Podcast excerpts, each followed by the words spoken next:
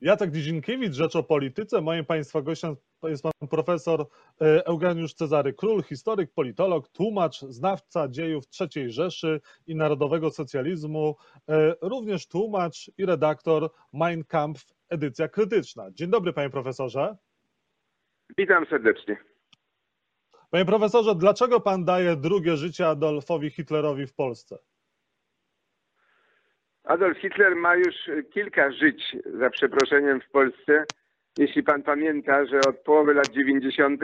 na naszym rynku grasują wydania tak zwane pirackie, y, które są pozbawione aparatu krytycznego, które są skrócone bez podania znaków ingerencji, y, które tłumaczone są nie wiedzieć dlaczego z języka angielskiego, co jak wiadomo przy drugim języku tłumaczeń wielokrotnia ryzyko błędu. Słowem, ten Adolf Hitler już w, w, w, ujęciu tłuma, w ujęciu tłumaczenia na polski jest. Ja tego Adolfa Hitlera po prostu po to y, ożywiam, żeby pokazać jego martwotę i jego y, cały kompletny y, sztafaż, z którym należy walczyć, ale nie walczyć na zasadzie zapomnienia, ale walczyć na zasadzie zrozumienia, wyjaśnienia i uzbrojenia się w różnego rodzaju instrumenty przeciwdziałające możliwości recesji, możliwości, przepraszam, remisji tego, co się wtedy działo. Pan nie ma takiego poczucia, że pan może promuje zło. No są liczne organizacje, które sprzeciwiają się e, wydaniu tej książki. Towarzystwo Jana Karskiego protestuje przeciw wydaniu w Polsce Mein Kampf. No również Instytut Studiów Politycznych e, PAN który miał być współwydawcą tej książki, zaprotestował i zrezygnował e, z, z wydawania e, Mein Kampf? No to jak na liczne, to na razie pan niewiele tych organizacji i instytucji wyliczył. Poza tym zrezygnowanie Instytutu Studiów Politycznych pan miało jeszcze dodatkowe przyczyny, o których wolałbym na razie nie mówić. E, dość powiedzieć, że ja na razie naliczyłem, jeśli chodzi o bieżące protesty, tylko protest Towarzystwa Jana Karskiego oraz e, e, rzeczniczki Ministerstwa Spraw Zagranicznych Rosji, pani Zacharowej. Jeżeli nawet Ministerstwo Spraw Zagranicznych Rosji bierze na tapetę, no to już jest chyba duży kaliber, tym bardziej, że widziałem też, że rosyjska, rosyjskie media w dosyć mocnym tonie e, no, ujmują wydanie e, tej książki w Polsce. Jak pan to odczytuje, panie profesorze? Czy jest wykorzystywana ta książka teraz do propagandy i do uderzenia w Polskę, w Rosji? Do jakiegoś stopnia tak, ale jest to element y, y, większego zbioru. Jeśli pan ma na myśli to audycję w telekanale Zwiezda w, w Rosji, to widać tam wyraźnie, że chodzi o stworzenie pewnego rodzaju pasma wydarzeń, które mają prowadzić do tezy, że nie tylko w Polsce, ale również w całej Europie Środkowo-Wschodniej dochodzi do e, ożywienia się tendencji ekstremistycznych, neonazistowskich.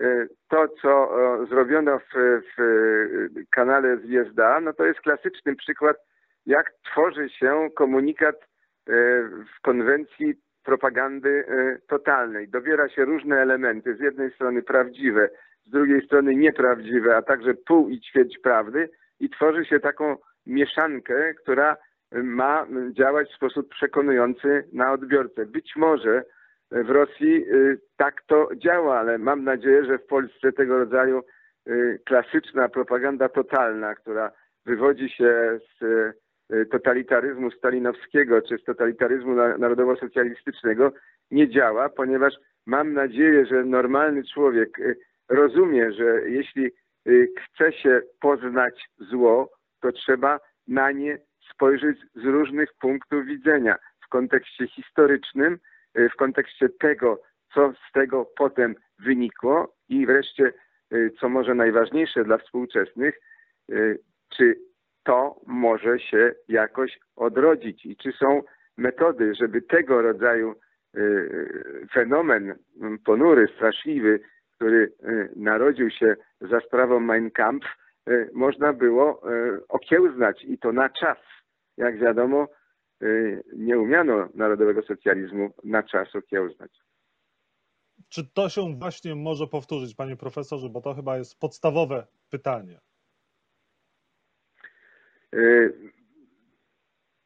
Jak pan pewnie wie i nasi, nasi czytelnicy wiedzą, pokus, żeby demontować, majstrować przy systemie demokratycznym jest wiele. No, mamy tego liczne przykłady również współcześnie. No, okres prezydentury dla przykładu Donalda Trumpa jest tego rodzaju przykładem i wydaje mi się, że to niebezpieczeństwo jest stale obecne. Ono się nazywa po prostu demontaż systemu demokratycznego, który prowadzi albo do autorytaryzacji systemu, albo wręcz do totalitaryzacji systemu. To wszystko zostało w literaturze przedmiotu opisane i wiadomo, jakie są cechy tego rodzaju odstępstw od systemu demokratycznego i wiadomo, że to się odbywa stopniowo. To rzadko teraz mamy do czynienia z, z uderzeniem nagłym. No, jeśli wziąć pod uwagę to, co się stało w Birmie, to można, można powiedzieć, że jest to klasyczny przykład zamachu stanu o charakterze zapewne co najmniej totali, autorytarnym, jeśli nie totalitarnym. Na ogół jednak dzieje się to stopniowo i trzeba po prostu w odpowiednim czasie dostrzec to niebezpieczeństwo, które nam grozi, tak jak to zagroziło Niemcom na przełomie lat 20. i 30. XX wieku. I warto i należy nawet zbadać, jaką rolę odgrywał Mein Kampf, jaką rolę odegrał narodowy socjalizm w początkach swojej działalności z punktu widzenia demontażu systemu demokratycznego w Niemczech. Ten system demokratyczny w Niemczech oczywiście był niepozbawiony słabości, nie był lubiany przez Niemców, którzy w znacznym stopniu wzdychali do odrodzenia się systemu monarchicznego, ale to był system demokratyczny i ten system był od 30 roku, a jeszcze bardziej od 33 roku demontowany. Jeśli się czyta Mein Kampf nie za hasłowo, to znaczy wybierając określone hasła, które są przecież znane od lat, ale jeśli się czyta ją jako pewnego rodzaju przekaz, rodzaj instruktażu, to widać wyraźnie, że jest to instruktaż, jak demontować system demokratyczny i tworzyć coś, co Hitler nazwał państwem folkistowskim. To jest oczywiście myląca nazwa. W, złych tłumaczeniach często jest to określone jako państwo narodowe albo państwo ludowe, bo jest kłopot z tłumaczeniem rzeczownika niemieckiego das Volk. W zależności od, od kontekstu jest to albo lud, albo naród, ale tu jeszcze trzeba włączyć nazwę, która jest specyficzna dla sytuacji wewnętrznej Niemiec, mianowicie ruch folkistowski.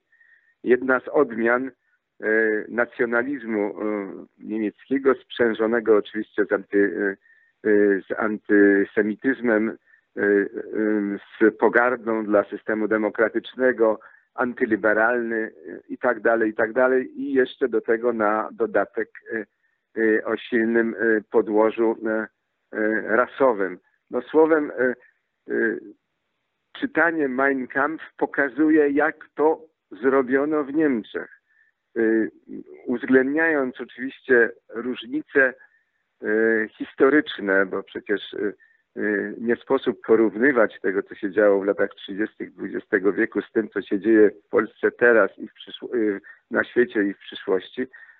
Jeśli się to uwzględnia i bierze się na to poprawkę, to widać wyraźnie, że pewne zjawiska, pewne prawidłowości są tego rodzaju, że należy im się przyglądać z uwagą i w odpowiednim czasie reagować. To znaczy przede wszystkim reagować na wszelkie próby naruszania systemu demokratycznego.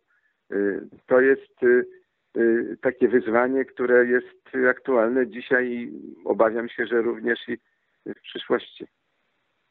Cytuje pan we wstępie książki Tomasza Mana, który pytał, jak to możliwe, że ta miernota, ten chłystek doszedł do władzy. Jak to możliwe, że Adolf Hitler doszedł do władzy i że go e, no, również, e, że, że nikt nie ostrzegał przed nim tak naprawdę, bo przecież przygotował tę książkę, tę Biblię zła, z której no, wynikało to, co później wprowadził w życie.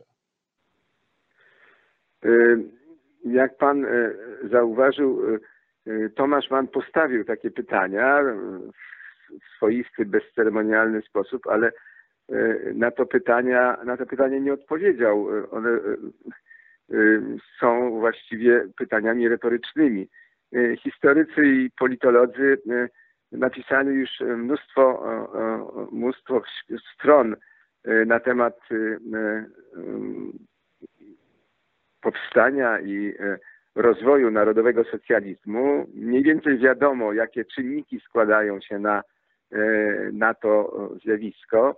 E, ich jest sporo, są natury e, gospodarczej, są natury społecznej, są natury e, psychologicznej, mają korzenie zewnętrzne w stosunku do Niemiec, mają korzenie wewnętrzne w stosunku do Niemiec, ale ciągle nie ma takiej odpowiedzi wprost. No jak to się stało, że ten facet z tym, z tym groteskowym kosmykiem włosów na czole i z tym w cudzysłowie fryzjerskim wąsikiem był w stanie zapanować nad e, e, psychę e, niemieckiego narodu, bo nie da się zaprzeczyć, że ogromna większość tego narodu w pewnym momencie udzieliła narodowemu socjalizmowi, a zwłaszcza jego przywódcy, gremialnego poparcia. To poparcie oczywiście ewoluowało, zmieniało się. Niemniej jednak lata 30. XX wieku to jest okres triumfu narodowego socjalizmu. Dlaczego? Dlaczego? Na ten temat znajdziemy odpowiedź w różnych książkach, ale y, jak pan y, y, będzie mnie przypierał do muru, tak jak zrobił to, zrobił to Tomasz Mann i, i kilku jeszcze innych, dlaczego, no to nie ma takiej odpowiedzi wprost, bo człowiek używając racjonalnego myślenia, no jest bezradny wobec tego fenomenu. Wobec fenomenu tej charyzmy człowieka, który no przecież na pierwszy rzut oka wzbudza raczej śmiech i, i, i, i, i pogardę. No tymczasem okazało się, że w pewnym momencie tworzył w Niemczech rodzaj parareligijnego ruchu, którego starał się być i, i, i tworzył wrażenie, że jest kapłanem albo szamanem, jak to woli tego e, ruchu. No więc to pytanie, dlaczego powinno towarzyszyć czytelnikowi tej książki, być może dyskusja, na którą bardzo liczę, dyskusja poważna, nie oparta na wymianie inwektyw, nie oparta na emocjach, ale dyskusja zracjonalizowana przyniesie więcej Y, prób odpowiedzi na to pytanie, dlaczego i, i, i dlaczego trzeba się temu przyglądać. I, i czy y, to czytanie Mein Kampf ma sens właśnie akurat teraz, kiedy nie da się zaprzeczyć, że system demokratyczny no, znajduje się w dość znacznym kryzysie, y, przynajmniej w niektórych krajach, mniejsza już o ich nazwy. Czyli w Polsce również Mein Kampf powinno być czytane, bo pewnego rodzaju analogię pan dostrzega. E, nie chcę być zbyt dosłowny, pozostawiam to e, e, czytelnikowi, ale wydaje mi się, że czytelnik zasłużył na to, żeby pokazać mu tekst Mein Kampf w odpowiednim kontekście. Ten tekst zawiera, ten w wydaniu krytycznym zawiera e, blisko 2000 przypisów.